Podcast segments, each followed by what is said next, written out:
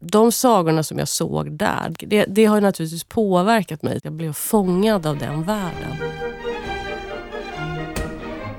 Det här är Askungen och Alice att förändra en saga. Kungliga Operans podd med David Silva. Och gäster är dramaturgen Katarina Aronsson och författaren Erika Wallin. Dansen är ett sånt egentligen mycket mer direkt kanal till att både uttrycka känslor och ta emot. Bra sagor har ju liksom många, många lager. Både att karaktären i sig gör en inre resa men också att vi kan resa till platser som är oåtkomliga. Ingenting av det kan man ju ha i en ballett så de får inte säga ett enda ord. Ironisk dans.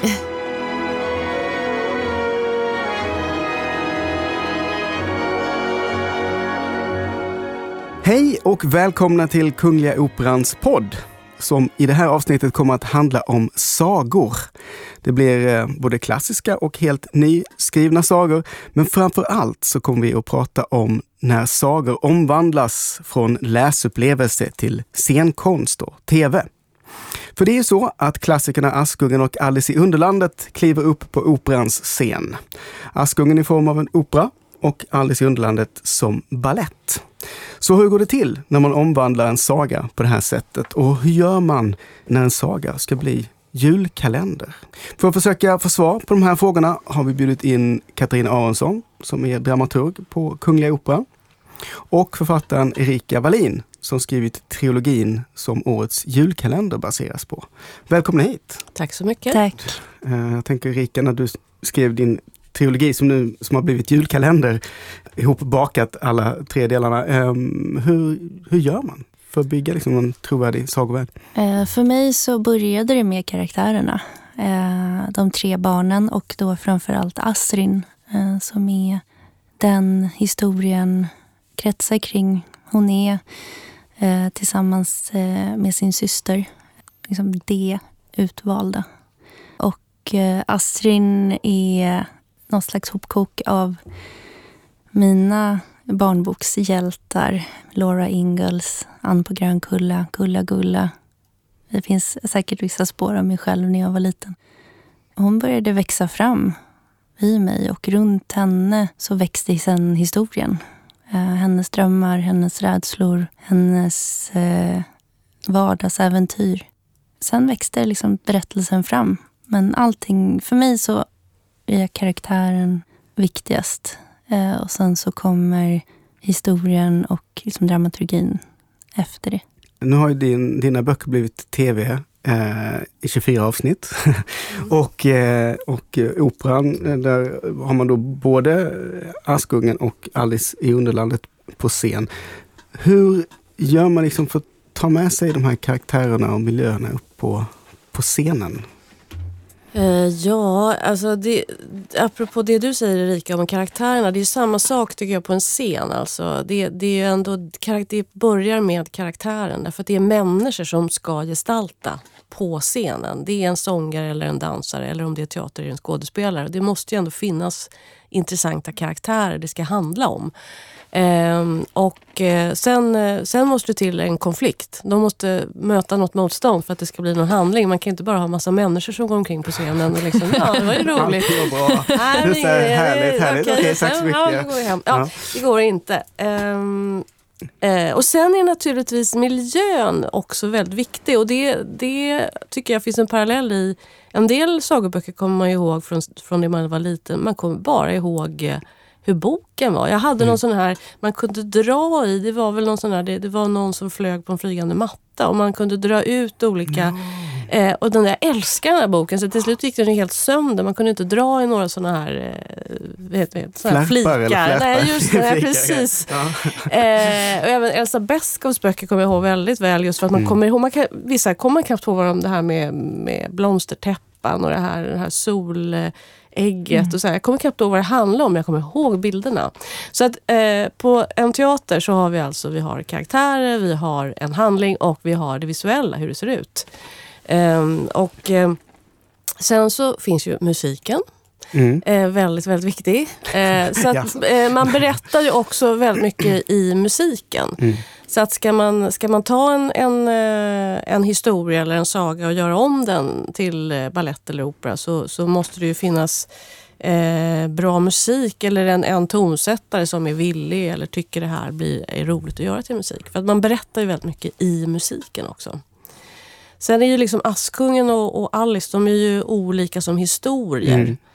Um, om man nu ska gå in och prata om det. Uh, det kan man väl göra. Ja. Nej, men om man börjar med Askungen då så är ju det en, um, det är en sån där historia om uh, liksom, trots att, att liksom, mot alla odds på något sätt. Hon, hon, är en sån där person som har allt emot sig. Hon är fattig, hon liksom bor i, med sina styvsystrar och sin styvpappa som är fruktansvärda mm. mot henne. Och hon har, det verkar inte som hon har någon möjlighet till någon förändring. Och så dyker här, den här möjligheten upp då att det har flyttat in en prins i ett slott inte så långt därifrån och han ska bjuda in till en bal för han ska välja någon att gifta sig med. Mm. Um, och um, ja, hon, hon får ju den här chansen att göra det då. Och, eh, hon, hon, gestalt, hon har ju då en fantastisk roll naturligtvis på operascenen. Hon får sjunga jättemycket och i början så sjunger hon en väldigt enkel sång. Det vill säga hon är en enkel eh, eh, hunsad eh, flicka som sjunger en, en sång som handlar om en kung som ska välja tre, mellan tre och gifta sig med. Eh, och sen så ju längre operan går desto mer stark blir hon mm. som person. Desto mer inser hon att hon har förmåga att påverka sin situation och hon sjunger liksom fantastiska eh, arier på slutet med koloraturer och jättevirtuost. liksom, man, mm. man beundrar henne bara på grund av det. Mm. Eh, för nu, alltså, man tänker på den storyn, liksom, så är hon ju en väldigt eh, hon är ju den här hunsade personen. Hon är också eh, någon som så att säga är en väldigt passiv roll i att uh, bli upptäckt av den här fantastiska prinsen då, som förändrar hennes liv. Liksom, och så. Hur förhåller man sig till det? Den, ja, alltså, liksom... Rossini som har skrivit operan, han, han var en riktig humanist. Alltså. Han hade nog lite politiska idéer när han eh, gjorde den här operan. För att, eh, det handlar ju, man kan på sätt och vis se det som att det är en flicka ur arbetarklassen som lyckas ta sig upp. Och här i den här versionen är det inte så att det är en fe som kommer och bara ger henne en klänning och, mm. och precis sådär klär upp henne vackert och sen får hon liksom passivt locka till sig prinsen. Så, så är det inte utan Eh, det finns en slags fegestalt som är en man som är rådgivare till prinsen men som också kommer till henne, som heter Alidoro. Och han får henne att inse att hon har en inre skönhet. Hon tvekar ju eh, kring sina möjligheter och, och, vad ska hon kunna komma med. Mm. Men han får henne att liksom förstå att hon har en inre kraft. Att hon har eh, och, och, ja, så att och, och sen har op eh, operan har också en undertitel som heter Godheten triumferar. Så det är också det att på slutet så förlåter hon de här fruktansvärda styvsystrarna och sin fruktansvärda styvfar. Eh, så att det handlar ju också om en slags eh, en människa som gör en resa. Så när hon väl har kommit på höjden och skulle kunna hämnas eller bara slänga mm. bort dem så gör hon inte det. Utan hon visar sig, alltså hennes hämnd blir att liksom förlåta dem.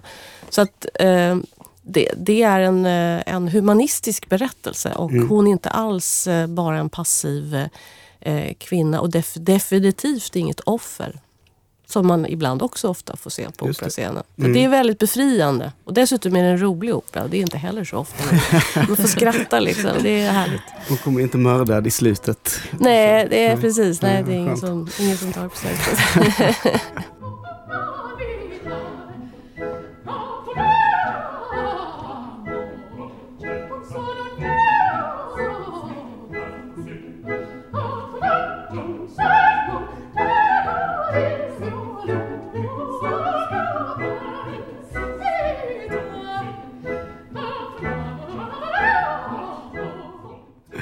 Jag tänkte också på, eh, apropå eh, dansen, att eh, någonting som man eh, som författare, det som är allra svårast, eh, upplever jag när jag skriver, är ju att gestalta känslor på ett sätt så att det inte blir, man inte vill inte skriva eh, läsaren oavsett ålder på näsan. Mm. Eh, och vi har sett eh, både Nötknäpparen, apropå Elsa Beskow, mm. och eh, Alice eh, när den gick förra hösten. Eh, och det är otroligt hur dansen är ett sånt egentligen mycket mer direkt kanal till, till att både uttrycka känslor och ta emot känslor och skapa känslor eh, än vad man gör med ord. Mm. Eh, och det tycker jag är ett sätt som både barn och vuxna eh, så lätt kan ta till sig mm. av. Eh, och också eh, vikten av att vara medveten om eh, alla så traditionella roller. Eh, både genus men också var man kommer ifrån när man skapar karaktärer idag. Jag tänker både när man förvaltar en, en redan färdig saga men också när man skriver nytt material. Eh, och det var någonting som var väldigt viktigt för mig när jag började skriva på den här berättelsen. Att inte låta den privilegierade innerstadskaraktären se ut på ett visst sätt Eh, utan låta både ur ett genusperspektiv och ett geografiskt perspektiv bredda bilden av vad de här olika karaktärerna kan få lov att vara. Mm. Jag tänker att många sagor är ju, liksom, om man säger klassikerna, är ju ganska gamla. eh, så att det finns ju saker i dem, eh, föreställningar eller eh, ideal och så vidare som, som man liksom behöver förhålla sig till på något sätt när man återberättar dem, om man så gör det i scenisk form eller bara läser upp dem för ett barn eller så. Alltså hur, ehm, hur gör man med det innehållet? Det har varit en ganska stor kontrovers de senaste åren. Hur vi ska förhålla oss till de böcker som är skrivna, behöver inte dra jättelångt tillbaka på 1900-talet för att eh, vi, ska, vi ska hitta på, hitta på både uttryck och, och karaktärer som inte alls är, är acceptabla idag. Mm. Eh, jag tror att det... Jag är inte helt säker på hur jag ställer mig till den frågan. Däremot så tror jag på vikten att prata med barn om hur saker och ting har varit och hur det är idag. Varför det kan eh, vara problematiskt. Eh, men också, vilket jag tycker att operan gör fantastiskt bra, eh, att modernisera och ta tillvara på styrkan i de gamla berättelserna men anpassa dem och göra dem relevanta till den värld vi lever i idag. Jo precis, i och med att man låter eh, unga, nu verksamma eh, konstnärer, om det är koreografer eller regissörer eller tonsättare eh, förhålla sig till de här berättelserna så, så blir det ju per automatik eh, så att de blir berättade på ett sätt som vi känner är relevanta för oss idag. Sen liksom om man ska se det ur ett dramaturgiskt perspektiv så är själva grundhistorien är oftast ändå ganska lika. Så att på det sättet så kan man ju också ta en gammal historia och, och, bara genom att skala bort det som man tycker det här känns inte det här känns inte alls bra nu i vår tid så, så är kanske ändå själva grundhistorien är väldigt eh, ja, liksom, känns rätt. Mm. Och det är ju också så eh, till exempel när det, gäller, när det gäller Alice, när det gäller alla typer av liksom böcker som man ska göra om till någonting sceniskt. Att man måste ju också stryka väldigt mycket, man måste ta bort väldigt mycket. Man måste bestämma sig för vilken historia ska jag berätta här.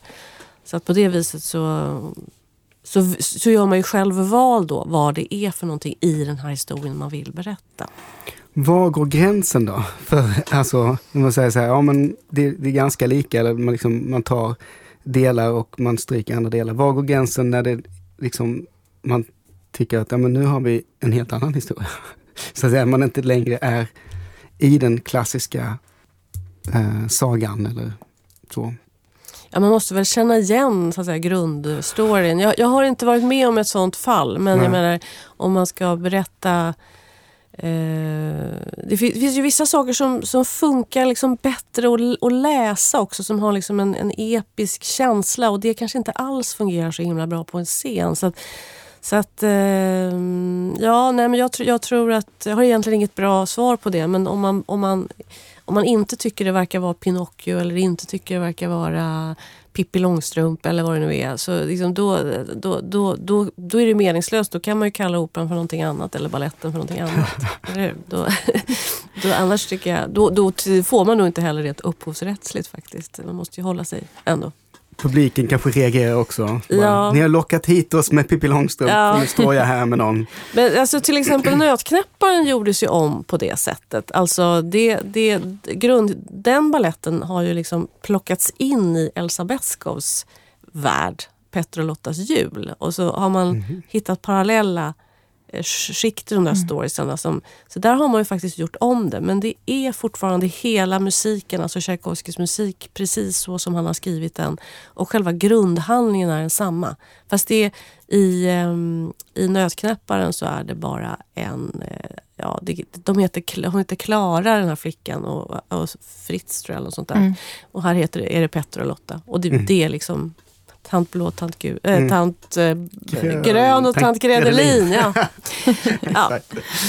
Men jag tror också att det är, eh, handlar framför allt om att vara sann mot karaktärerna. Att eh, låta dem möta samma, eh, ställas inför samma konflikt i grunden det var någonting som vi diskuterade på väldigt tidigt stadium med producenten och senare regissörerna till julkalendern. Att så här, hur tar vi den här historien och framförallt sätter en tydlig julvinkel. Mm. Men också bryter ner den till liksom kvartsavsnitt som ska fungera eh, per avsnitt men också som en lång 24 eh, avsnitt lång båge. Om man läser boken och ser kalendern så är det egentligen två otroligt olika eh, historier. Men universat och tematiken eh, är densamma. Eh, huvudtemana, tematiken eh, som, där vänskap står i centrum. Vänskap och att möta eh, sina rädslor. Att våga vara modig fast man egentligen är jätterädd. Eh, det består och det tror jag är någonting eh, när man läser texten och ser tv-serien, är någonting så kommer man, man kommer känna igen sig du har ju precis blivit utsatt för det här. Att, att liksom din saga, din berättelse har liksom blivit någonting annat. Hur är det? För mig så var nyckeln till det här eh, Anna Wallmark som är producent. Eh, vi hade många långa samtal i början av processen. Eh, och jag byggde väldigt snabbt upp ett förtroende för först henne och sen regissörerna Oskar Melander och Tor Danielsson i det att vi delade en värdegrund. Vi delade en syn på hur den här historien skulle berättas. Och sen så kände jag en otrolig ödmjukhet och respekt inför tv-mediet och kände att eh, jag behöver lägga det här i händerna på några professionella kreatörer som vet vad de gör. Eh, jag, ska, jag ska hålla mig till det skrivna ordet. Eh, så jag lämnade över i princip... Eh, eh, jag la storyn i deras händer. Eh, och jag kände mig supertrygg i det också att vi hade byggt upp det här förtroendet tidigt i processen. Du har ju sett eh, lite grann av eh, julkalendern. Eh, och eh, hur tycker du att de har förvaltat din story? Eh, det skevade ordentligt i huvudet när man ser de här karaktärerna komma till liv i eh, det här bombastiska formatet som årets julkalender har blivit. Eh, och eh, jag känner mig bara överrumplad och jättetacksam och superglad. Nåja, vad är en bal på slottet? Den kan ju vara fruktansvärt långtråkig och dötrist och, och tråkig och alldeles, alldeles underbar. Era egna sagokopplingar, eller vad man ska säga, upplevelser. Erika, vad är din liksom saga? Jag tror att min saga började med att jag lärde mig att läsa. Eh, mina främsta barndomsminnen är faktiskt knutna till de stora läsupplevelserna. Där alla de stora klassikerna spelar en stor roll. Alice såklart, eh, Peter Pan. Men framför allt eh, vår egen Astrid Lindgrens rika, rika sagovärld. Mm. Och nu har jag själv en dotter som är sju och ett halvt, vilket är en otrolig ynnest att få gå in i det här igen. Både med barnets blick men också med en vuxen blick och eh, den skrivandes blick. då har faktiskt Astrids eh, universum fått helt andra dimensioner. På vilket sätt då? Jag tror att dels så ser man det med eh, föräldrarna som, som ju oftast är bikaraktärer i hennes sagor. Eh, man ser lager hos dem som man kanske inte uppfattade som barn. Och man framförallt blir medveten om hur otroligt komplexa hennes eh, barn, barn är och tillåts vara. Vilket jag tror är en av nycklarna till att de aldrig går ur tiden. Katarina, vad tänker du på vad det gäller sagor och dig själv?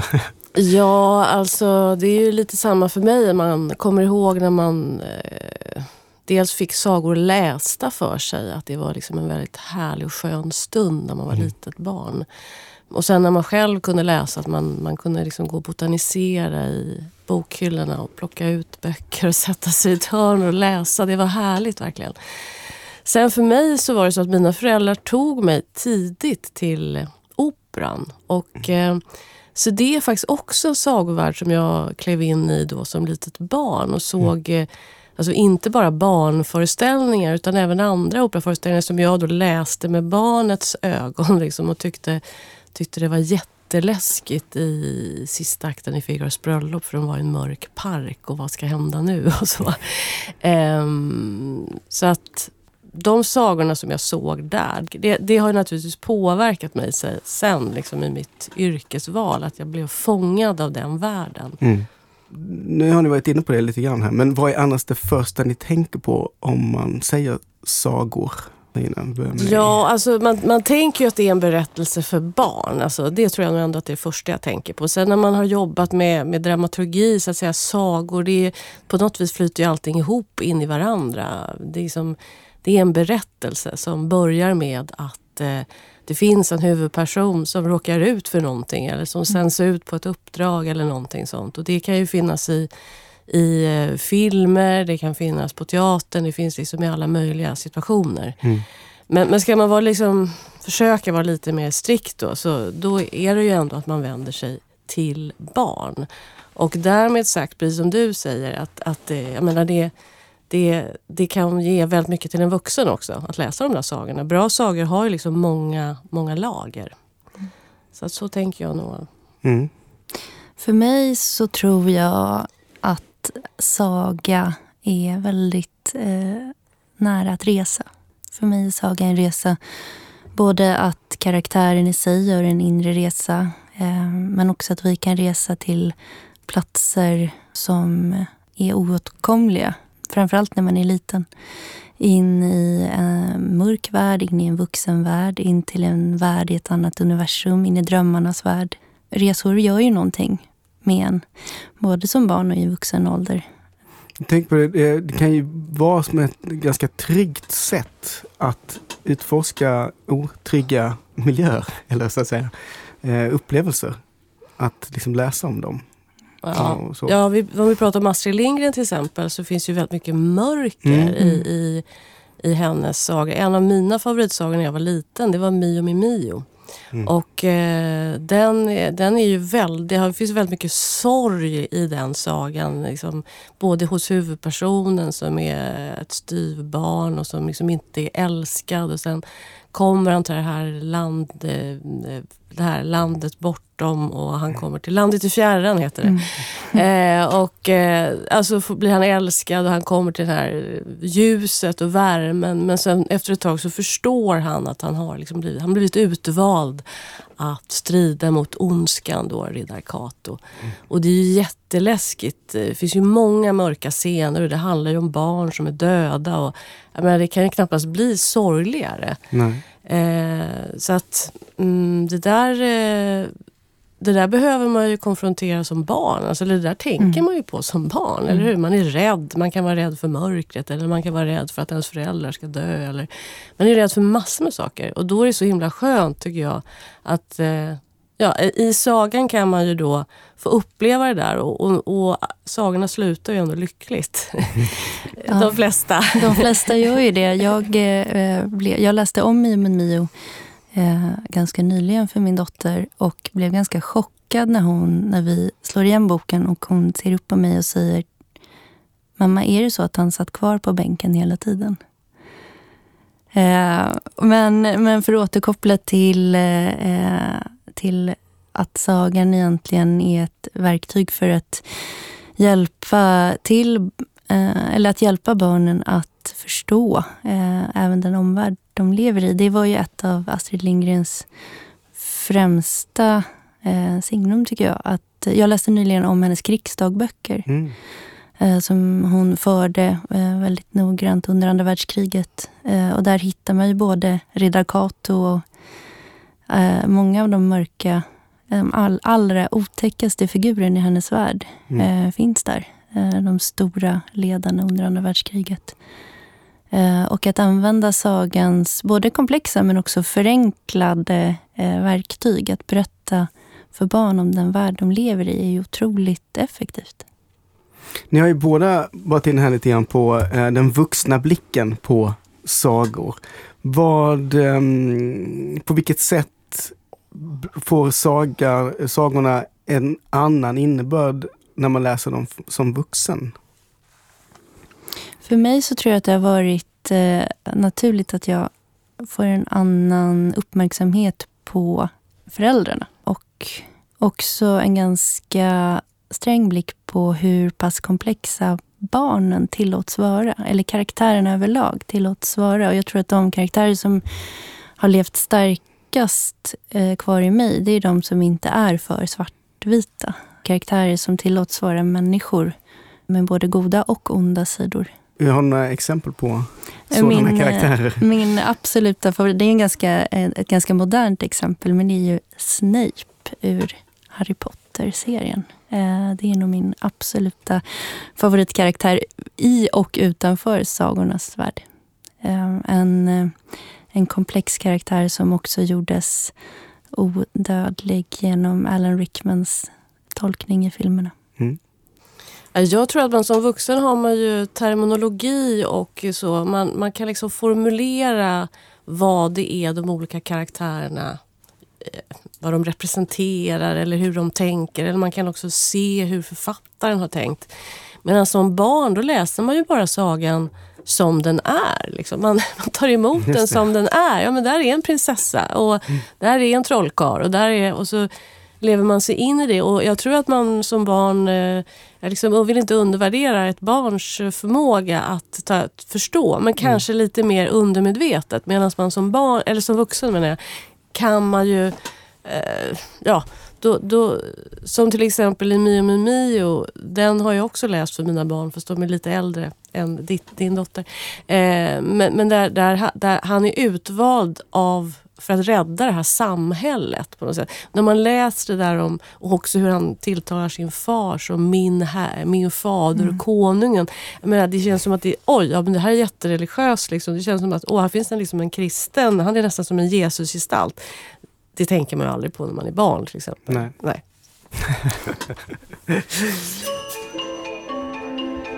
Vi pratade lite grann, eh, Katarina, du nämnde äh, musiken som äh, berättare. Liksom. Äh, är det något de har lagt till i julkalendern?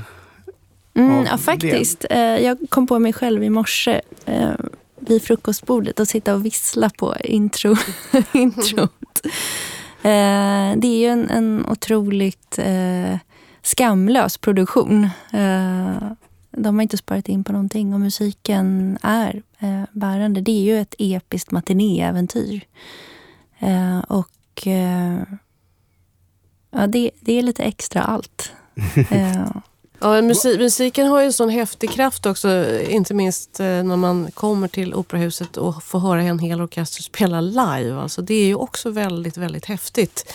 Eh, så att det är ju också någonting, ett, ett, ett liksom intryck som som eh, man kan ta till sig eh, som, som är oerhört viktigt för hur berättelsen ska ta tag i mm. som, och, som publik. Väldigt fysiskt också. Ja, alltså, verkligen. Man är där på plats verkligen. och liksom känner orkestern och man känner sångarna. Och man ja, känner liksom. jo. Och eh, jag tror att eh, just i Alice i Underlandet så, så fanns det en, en um, ja, det var, blev en bra koppling mellan koreografen och tonsättaren så att det liksom blev en musik som han tyckte fungerade för hans berättelse. Men, men han har ju berättat då att det var ju, först var det ganska svårt att tänka sig att göra om Alice i Underlandet till balett. Därför att mycket i den är ju språket, liksom, hur de talar till varandra och liksom hur de skämtar med varandra och, och ironi och sådär. Mm. Ingenting av det kan man ju Ingenting av det kan man ju ha i en balett, så de får inte säga ett enda ord. Ironisk dans. Fast jag måste säga, om jag får flika in, att eh, det var faktiskt det jag satt och tänkte på nu. Hur väl de lyckades, framförallt med den röda drottningen, att göra henne rolig enbart med kroppen mm. och musiken mm. i kombination. Eh, det var någonting som, jag, som verkligen eh, satte sig fast i, efter att man har sett föreställningen. Ja, det, för I slutet så, så har hon, hon är ju grym och hemsk och, och sådär men ganska korkad också.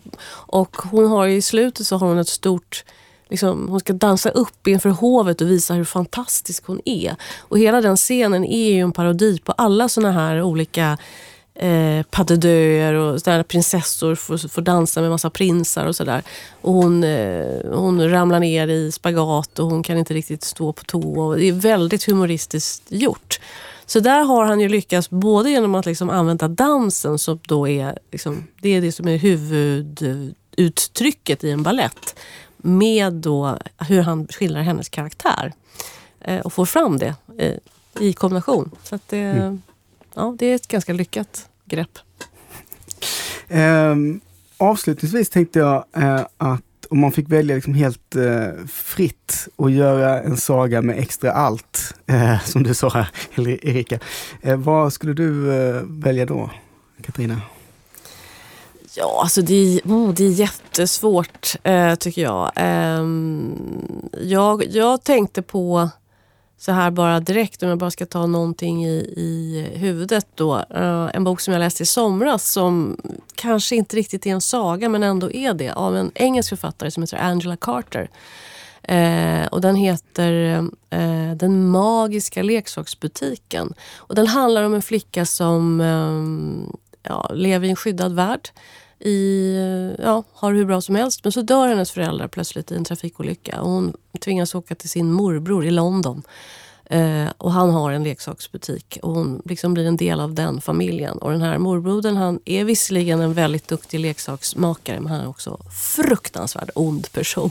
Som alla i den här nya familjen försöker förhålla sig till. Så vi har ju flickan där, hon är sopran. Vi har eh, morbrodern som väl kanske är någon slags basbariton. Och sen har vi då, den här nya familjen finns ju två eh, liksom bröder som är då en tenor och en bariton. Som, som naturligtvis hon eh, blir vän med. Hon förälskar sig så småningom också i en av de här bröderna. Och så finns den här hunsade mostern då. Hon får ju vara mezzosopran. Så att det, där finns det fem jättebra roller mm. och det finns också väldigt eh, härliga scener som man nog tror jag skulle kunna göra mm. en opera Välkomna till premiären eh, våren 2019 allihopa. ja, vi får väl se. eh, Erika, finns det någon saga som du skulle vilja se i ny skepnad? Ja, jag har ju faktiskt... Dans är ju eh, min favoritgren när det kommer till scenkonst. Jag är otroligt förtjust i ballett. Eh, och Ronja Rövardotter är min absoluta favoritsaga. Eh, och eh, min önskan skulle nog vara att få se den på Operan i ballettform. Det finns otroligt många... Jag skulle vilja se Vildvittrorna virvla runt. Jag skulle vilja se Rövarna dra rövardansen. Jag skulle vilja se Ronjas vårskrik mm. på scenen.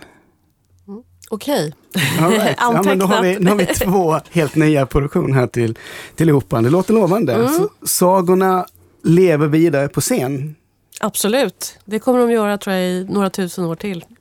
Tack så jättemycket för att ni kom hit. Tusen tack. Tack. Du har lyssnat på Kungliga Operans podd Askungen och Alice, Att förändra en saga, med programledaren David Silva. Musiken i podden är hämtad ur Gioacchino Rossinis opera Askungen, framförd av Hovkapellet och Johanna Rudström. Och så musiken ur Alice i Underlandet av Joby Talbot. Dessutom hörde vi ett utdrag ur Disney-versionen av Askungen. Producent var Klara Åström och podden görs av produktionsbolaget Munk.